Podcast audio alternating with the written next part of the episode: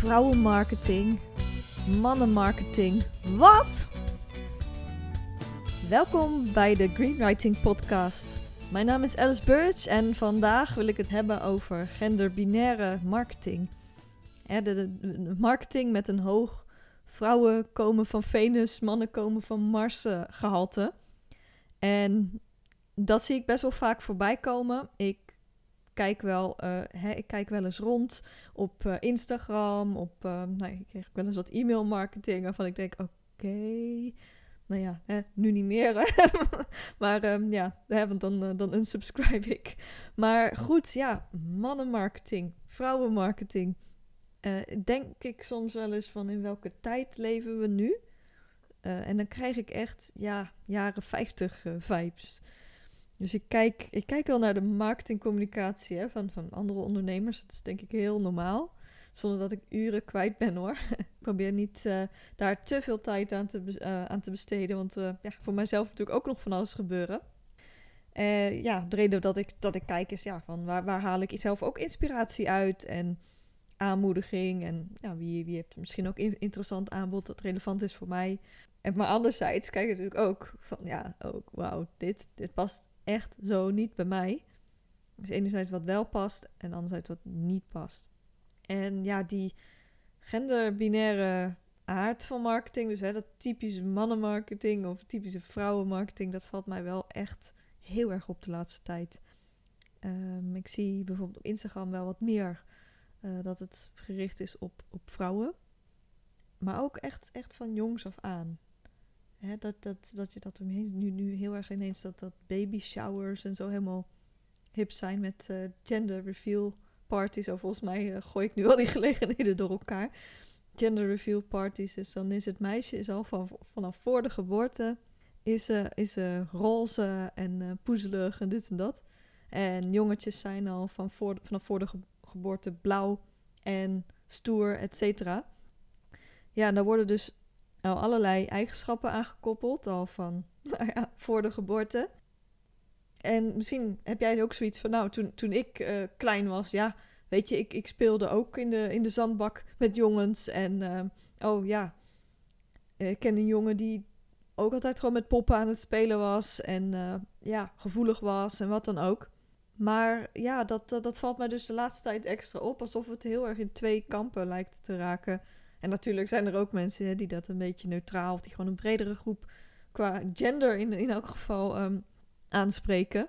Maar ja, dat, dat, dat blijkt dan uit alles. En dan is het, hey, hey, hey ladies, dit en dat, weet je wel. Als een manier, als je in bijvoorbeeld een Facebookgroep of zo iemand op die manier aanspreekt. En dan denk ik, ja, maar uh, er zijn toch ook uh, mannen hier? Of mensen die het niet zo nauw nemen met uh, de gendergrenzen zoals ik, hè? Ik kreeg laatst een, eh, een marketingmail.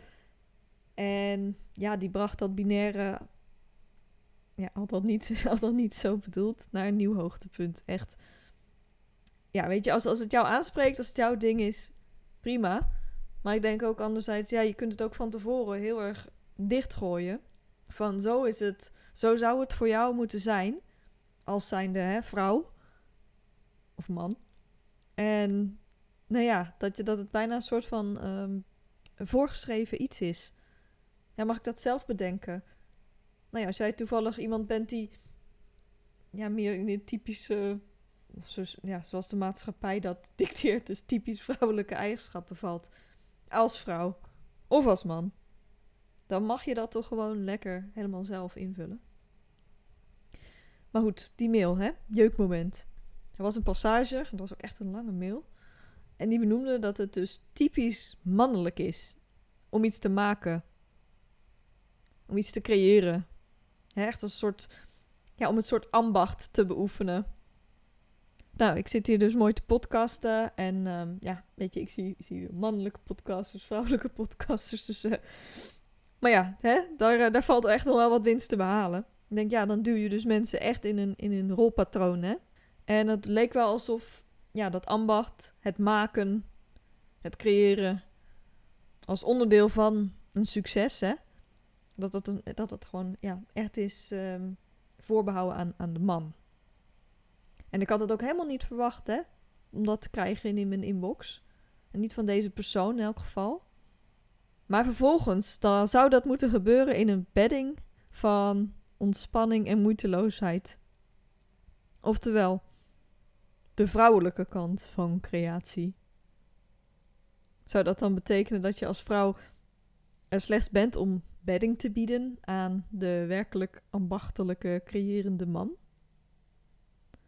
Ik bedoel, ja, weet je, ik ben best wel aardig, maar op welke manier ik aardig ben en op welke manier ik creatief ben, dat wil ik niet van mijn agenda laten afhangen. Of sterker nog, haast dat het gedicteerd wordt door mijn gender.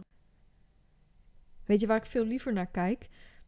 Of jij gewoon een leuk persoon bent om mee samen te werken. Nou ja, die mail ging zelfs nog verder. We moesten het gaan vergelijken met de voortplanting, waarbij de man in actie komt en de vrouw ontvangt. Dat zou het summum zijn van synergie hè, tussen mannelijke en vrouwelijke energie. Oh ja. Ja, ik, ik denk dus liever in gelijkwaardigheid. Hè? Met kinderen, zonder kinderen, man, vrouw, alles daartussenin. Nou ja, dan zou je ook kunnen zeggen van ja, Alice, ben jij dan niet te mannelijk? Nou, dat lijkt mij dus niet. Ik ben niet te dit of te dat. Ik ben wel graag duidelijk. En nou ja, dat schijnt dan stereotype mannelijk te zijn. En ik hou van processen en structuren.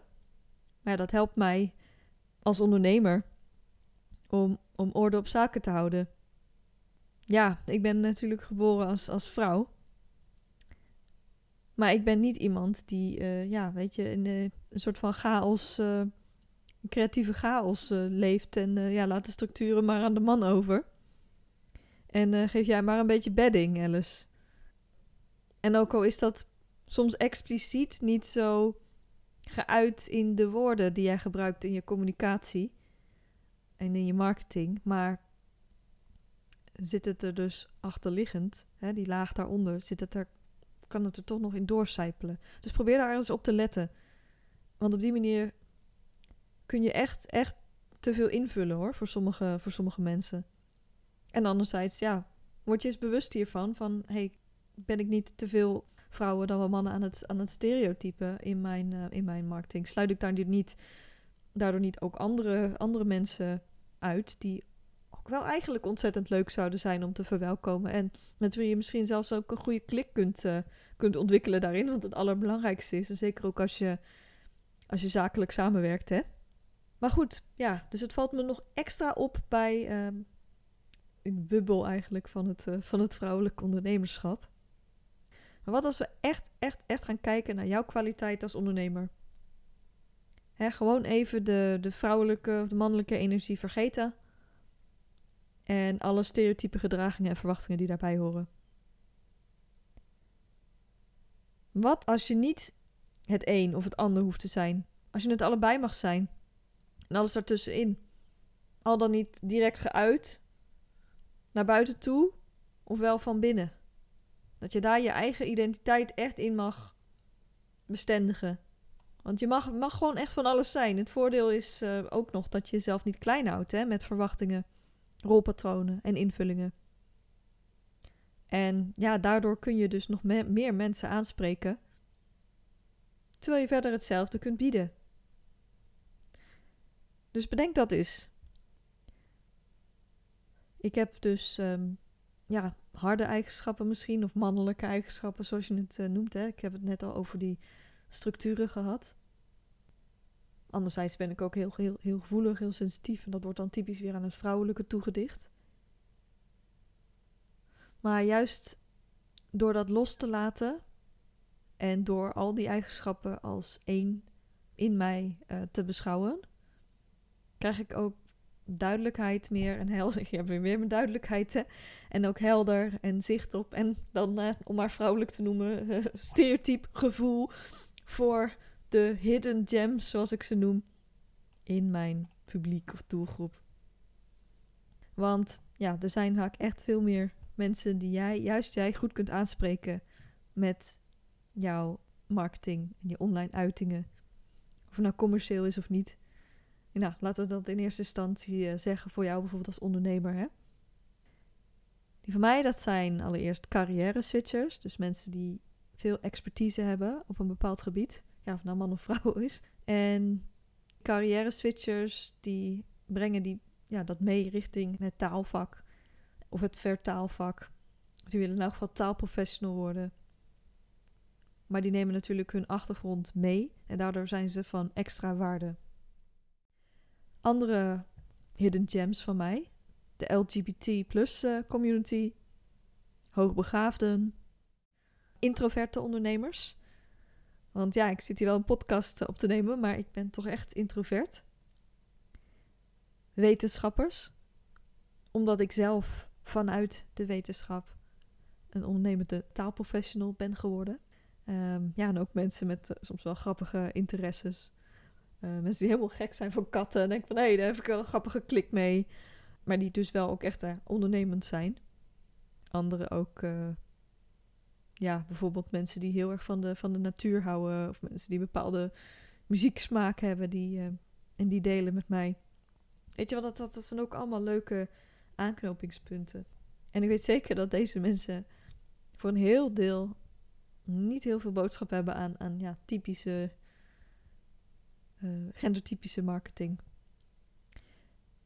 Dus wat zijn jouw hidden gems? Ontdek ze, want juist daar liggen jouw kansen ook voor fantastische samenwerkingen. En wacht daar vooral niet op, hè? Nou, wil jij meer weten over, uh, over wat ik kan bieden? En um, ja, ben jij op zoek naar meer uitdaging ook als, als taalprofessional en verfijning daarin? Dan heb ik uh, op mijn website een gratis vertaaltest staan. Engels-Nederlands.